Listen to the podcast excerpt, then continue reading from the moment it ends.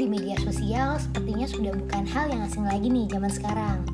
Para pembuat konten yang mempunyai followers banyak jadi daya tarik sendiri bagi para pemilik bisnis dalam mempromosikan produk maupun jasa mereka.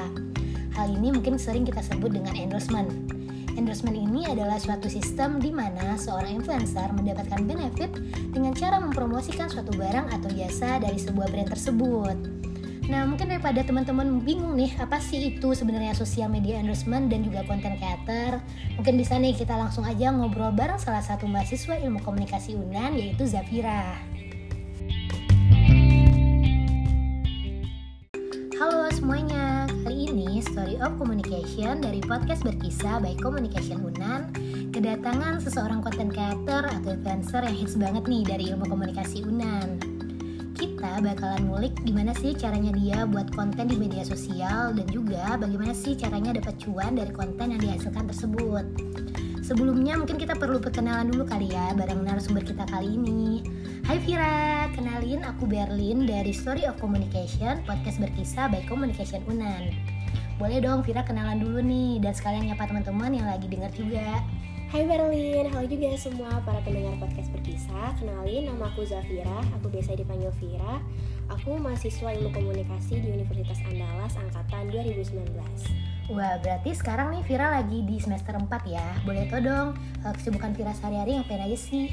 Ya benar lagi di semester 4 uh, eh, Untuk kesibukan aku itu sehari-hari Ya pastinya sibuk kuliah Apalagi sekarang itu lagi ada di minggu uas ya Dan juga sehari-hari itu aku sambil bikin konten Wah, pas banget ya jawabannya sama topik kita hari ini, konten. Mau tau dong Vira, kontennya seperti apa sih yang Vira bikin di sosial media itu? uh, aku bikin konten itu untuk sekarang konsen ke bidang fashion di bidang fashion. Hmm. Kenapa sih dari sekian banyaknya konten nih kan banyak kan ada konten make up, fashion, ada apa sih lifestyle. Kenapa sih Vira akhirnya memilih konten fashion? Fashion itu karena gimana ya? Kesenangan sendiri sih kayak hobi gitu. Aku tuh emang dari dulu kayak dari zaman SMP kali ya. Aku tuh sering kayak uh, nyoba-nyoba baju di rumah kayak gabut suka nyobain baju terus kayak suka mix and match baju gitu jadi kayak hobi aku sendiri gitu loh jadi makanya tuh aku bikin konten Berarti Vira gabutnya bermanfaat ya. Ada mix and match baju. Nggak kayak kita-kita nih yang kalau di rumah tiduran aja. Sangat produktif ya. Uh, Sekarang boleh tahu dong pertanyaan selanjutnya nih Tentang fashion juga. Kan sekarang nih Vira bisa dibilang dikenal sama orang nih. Uh, bagaimana sih cara Vira bisa dikenal seperti itu oleh orang? Dan tau juga nih Vir gimana sih cara kamu bikin uh, traffic akun kamu itu makin naik dan dikenal sama banyak orang uh, aku itu awal mulainya itu bikin konten itu dari TikTok. Itu aku mulai bikin pas tahun 2020 waktu awal-awal corona waktu kita masih awal-awal kuliah online. Oh, waktu awal di rumah aja ya ah iya aja. benar kayak gabut banget gak sih? Terus nggak tahu mau ngapain kan? Terus ya udah iseng-iseng bikin uh, video-video fashion. Nah itu tuh aku uh, bikin video fashion itu tuh awalnya terinspirasi sama tiktok tiktok orang luar gitu kayak banyak gitu lewat di FYP aku kan kayak uh, dia bikin konten fashion gitu. Terus kayak ih menarik nih pengen coba juga. Ya udah kan aku coba. Nah awal-awal tuh nggak ada tuh yang lihat nggak ada viewersnya. Cuma dikit gitu kan. Terus setelah bikin beberapa tiba-tiba ada salah satu video kayak uh, lumayan banyak gitu yang lihat. Terus banyak juga yang like. Dan banyak juga yang komen. Nah dari komen-komennya itu alhamdulillah banyak yang kasih komen uh, komentar positif. Kayak uh, apa sih komentar positifnya itu bikin aku jadi makin semangat lagi termotivasi, termotivasi buat bikin terus. Terus jadinya lanjutan deh sampai sekarang. Gitu. berarti berawal dari komen audiens yang suka sama outfit Vira jadi bikin Vira makin semangat uh, ya iya ya benar. Nah kan tadi Vira bilang nih di awal nggak segampang itu ada udah berusaha viewsnya ternyata nol atau nggak ada. Jadi boleh tahu dong, berarti kan di dalam berkonten itu kita ada kesulitan ya. Mungkin boleh jelasin Vira ngerasa selama berkonten ini kesulitan Vira apa sih? kesulitan bikin konten itu uh, pertama itu nyari ide sih nyari ide gimana caranya kita bisa uh, bikin video atau konten yang bisa menarik orang-orang kayak gimana sih caranya kita uh, konten yang kita bikin itu tuh bikin orang tuh tertarik dan ngelihatnya tuh enak. Nah jadi uh, mikirin ide itu menurut aku susah. Nah yang kesulitan yang kedua itu cara ngejaga mood sih. Jadi aku tuh biasanya kalau bikin konten aku harus pastiin dulu mood aku hari itu bagus happy gitu. Soalnya ngaruh gitu loh beh. Uh, kalau aku bikin di saat mood aku itu jelek ntar ngaruh ke hasil videonya kayak ekspresinya kayak nggak ada semangat semangatnya gitu. Jadi aku harus pastiin uh, mood aku hari itu bagus. Uh, berarti kalau lagi patah hati kita nggak bisa ya biar kayak susah ya kalau buat lagi patah hati bikin konten itu berarti mempengaruhi ya? Uh, iya mempengaruhi ya kalau lagi galau gitu. Pengaruhin sih. Oke oke lanjut.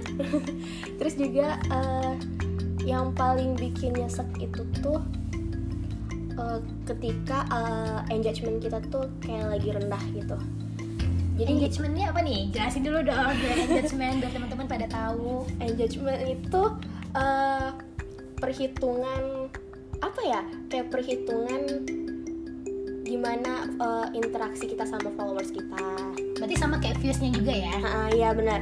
Jadi kalau di TikTok itu tuh algoritma TikTok itu tuh suka naik turun deh. Kalau misalkan emang naik bisa naik banget. Kalau turun bisa turun banget. Jadi cara buat mempertahankan engagement kita itu tuh menurut aku agak sulit sih Oh sulit ya teman-teman ya. Iya. Nah ini ini nyambung juga nih kan dari tadi kita bilang engagement itu sulit ya. Hmm. Mungkin boleh tahu dong gimana sih cara Vira buat personal branding diri Vira di media sosial biar engagement Vira itu juga selalu naik. Nah kalau untuk personal branding itu ya karena uh, aku itu bidang fashion ya, pastinya aku membranding diri aku tuh melalui fashion dengan cara apa yang aku post di sosial media itu berkaitan dengan fashion gimana caranya aku bisa menginspirasi orang-orang yang ngelihat aku yang, yang ngelihat konten-konten aku dan juga eh, orang-orang yang ngelihat sosial media aku tuh terinspirasi sama outfit yang aku pakai. Aku lebih ke fashion sih kalau untuk branding. Berarti brandingnya tuh emang harus kita harus uh, sesuai dengan konten-konten yang kita bikin sebelumnya ya? Iya menurut aku nah nih selanjutnya nih aku mau nanya lagi sama kamu Fir. Kan biasanya influencer atau content creator itu kan kalau udah mulai dikenal itu kan udah ada tuh kita dikenal sama endorsement. Nggak tahu iya. dong sama endorsement. Boleh tanya dong Vira udah masuk nggak sih dengan traffic dan audiens Vira yang miliki sekarang itu? Udah masuk nggak sih dalam dunia endorsement itu? Uh, alhamdulillah udah udah masuk ke tahap itu sih Uh, kalau boleh tahu awal endorsement Vira akhirnya masuk dalam dunia endorsement itu gimana sih? Mungkin boleh diceritain nih awal mula aku dapat endorse itu tentunya dari TikTok aku tadi kan uh, satu-satu tuh aku bikin terus terus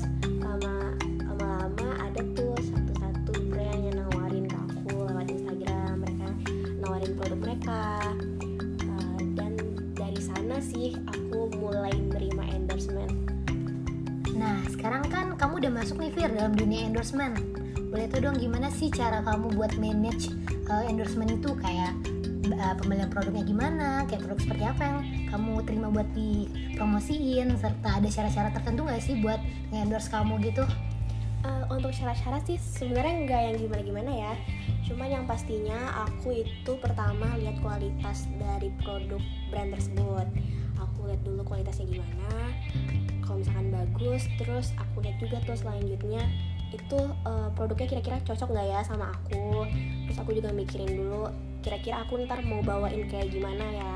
Nah setelah itu kalau misalnya semuanya oke okay, baru aku terima. Gitu ya sih simple aja nggak yang matokin gimana ribet-ribet itu enggak sih. Uh, kan berarti ini ada ketentuan nih dari Vira. Biasa kalau brand-brand dari yang endorse Vira itu ada juga nggak sih matokin syarat ke Viranya gitu? Uh, syarat ada beberapa itu biasanya minta request gitu sih. Minta request tema mau bikin videonya yang kayak gimana. Nah itu uh, aku malah kalau yang kayak gitu tuh malah kebantu sih akunya. Jadi aku nggak nggak perlu bingung-bingung lagi kan mikirnya mau bikin konten yang kayak gimana. Kayak gitu sih biasanya. Berarti uh, biasanya di request menyesuaikan dengan outfit yang di endorse ya? Ah iya benar-benar. Nah saya itu nih Fir kan sekarang kamu udah masuk dunia endorsement ini ya yang kita tahu juga biasanya endorsement ini juga berpenghasilan deh nah, maksudnya tuh kita dapat penghasilan dari konten kita yang di endorse itu Nah itu dong Vira sekarang udah dapat penghasilan gak sih dari endorsement tersebut? Iya, alhamdulillah aku dapat penghasilan sih dari endorsement tersebut tentunya. Wah bagus banget berarti dari endorsement itu dari yang awalnya gabut dari konten-konten yang gabut yang akhirnya di endorse dan akhirnya kita punya penghasilan ya Mm-mm, bisa bener. ditiru banget bagi teman-teman yang mungkin uh, punya waktu luang yang bingung mau ngapain mungkin bisa juga terjun ke dunia konten sosial media ya Iya, menurut aku media sosial tuh sekarang gak cuman yang buat komunikasi doang, jadi bisa dimanfaatin dalam segala bidang kayak misalkan kayak tadi kan bikin konten atau dalam misalnya dalam hal bisnis, jadi bisa dimanfaatin buat uh, memiliki penghasilan sendiri. Benar banget sih itu. Nah gini nih Fir kan sekarang Vira udah berpenghasilan ya. Alhamdulillahnya berpenghasilan dari endorsement itu. Boleh tau dong gimana sih cara Vira manage penghasilan Vira tersebut? Penghasilan aku dari endorsement itu sejujurnya itu semuanya dipegang sama mama sih. Jadi mama megang semuanya kan. Nah terus tapi tiap bulan tuh mama eh, bagi lagi buat ke kirim ke tabungan aku. Jadi ada yang setengah di mama, ada yang setengah di aku. Jadi ada yang bisa. Jadi aku tuh nggak megang semua. Kalau misalnya aku pegang semua nih beh, itu bisa habis sama aku. boros ya Heeh. Uh, masukin keranjang Shopee terus ya kita ya bisa aduh bisa sia-sia aja gitu Iya, kan semuanya benar-benar. jadi jadi ada yang setengah sama dipegang mama berarti intinya Vira uh, semuanya di tabungan mama tapi nanti untuk belanja sehari-hari dipisahin lagi tuh sama penghasilan itu. Mm, iya, biar ada gitu. yang ditabung. Ini manage uang yang bagus banget ya biar kita nggak boros. Nah selanjutnya nih nih Fir. Kan kamu sekarang udah berpenghasilan ya udah merasakan lah dana susah payahnya dapat penghasilan tersebut. Boleh tau dong gimana sih rasanya gitu? Ada kesenangan tersendiri atau kesedihannya sendiri gitu gimana? Tentunya ada kesenangan sendiri sih be karena begitu ribetin orang tua lagi yang ka- kalau dulu kan kayak 100% apa apa mintanya ke orang tua. Kalau sekarang tuh sedikit-sedikit bisa pakai duit sendiri. Jadi kalau mau mau beli sesuatu aku jadi mikir dua kali gitu loh be. Kenapa tuh kok jadi mikir dua kali sih? Eh, karena karena udah udah ngerasain udah udah punya duit sendiri tuh kayak jadi mikir lagi aduh ini dapetinnya susah iya nih. susah nih beli nggak ya? Beli nggak ya? Jadi mikir-mikir dua kali kan. Nah, hasil keringat sendiri ya jadi kita iya. lebih mikir ya. Iya benar. Bener sih itu. Nah sekarang kan tadi kita bahasnya endorsement ya Fir ya. Sekarang tuh kita masuk nih mungkin ada teman-teman yang juga berminat dalam konten creator dan pengen menjadi konten creator. Mungkin kamu bisa ngasih tips and triknya nih gimana sih cara menjadi konten creator yang baik? Tips dan trik dari aku itu yang pertama kita harus tentuin dulu nih minat dan passion kita. Setelah kita tahu passion kita di mana baru deh kita bikin konten yang menarik dan sekreatif mungkin. Terus eh, konten yang kita bikin itu kita harus bisa membawa pengaruh yang positif dan membawa manfaat bagi orang-orang yang ngelihat konten kita. Nah dari sana kita juga harus bisa nih pinter-pinter ngelihat peluang. Apalagi orang Indonesia itu kan suka banget ya suka yang viral-viral gitu kan orang Indonesia suka banget kan netizen Indonesia Ah, banget ya. iya kan suka banget yang lihat yang tren-tren nah dari sana kita juga bisa tuh ngeliat ngeliat peluang apa yang bagus kita bikin untuk konten yang sesuai dengan tren yang lagi terjadi. Nah yang pastinya tuh bikin konten itu harus konsisten. Jangan males-malesan. Itu sih poin pentingnya. Wah bagus-bagus banget ya tips and trick dari Vira buat teman-teman yang pengen jadi content creator. Nah mungkin sekarang nih Vir pertanyaan terakhir buat kamu. Kan banyak nih teman-teman yang pengen jadi content creator. Mungkin kamu bisa kasih pesan buat teman-teman yang berminat untuk jadi content creator itu gimana sih? pesan dari aku jangan gampang nyerah semangat terus usaha terus sampai konten kita bisa dikenal oleh banyak orang. Dan menurut aku pepatah yang bilang usaha tidak akan mengkhianati hasil itu relate banget sih. Dan satu lagi konsisten. Itu sih pesan dari aku Nah itu bisa dicatat nih teman-teman bagi yang pengen jadi content creator pesan dari Vira itu pokoknya harus tetap semangat dan yang pastinya konsisten ya Vir ya. iya bener banget be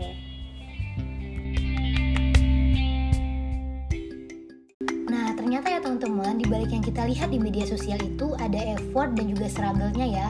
Tidak sesimpel yang kita lihat di media sosial saat ini. Ada usaha-usaha di balik itu semua pastinya. Oke, makasih banyak buat Vira yang udah mau sharing bareng kita tentang rahasia menjadi content creator di media sosial. Dan tentunya udah lengkap banget ya teman-teman info yang kita dapetin dari Vira. Tapi bagi teman-teman yang mungkin masih ada pertanyaan, boleh langsung tanya aja ke Vira di akun Instagramnya Vira yaitu Zafira Vira. Sekali lagi, thank you buat Vira untuk episode kali ini. Sampai jumpa lagi di episode Story of Communication selanjutnya. Pastinya di podcast berkisah baik komunikasi Unan. See you!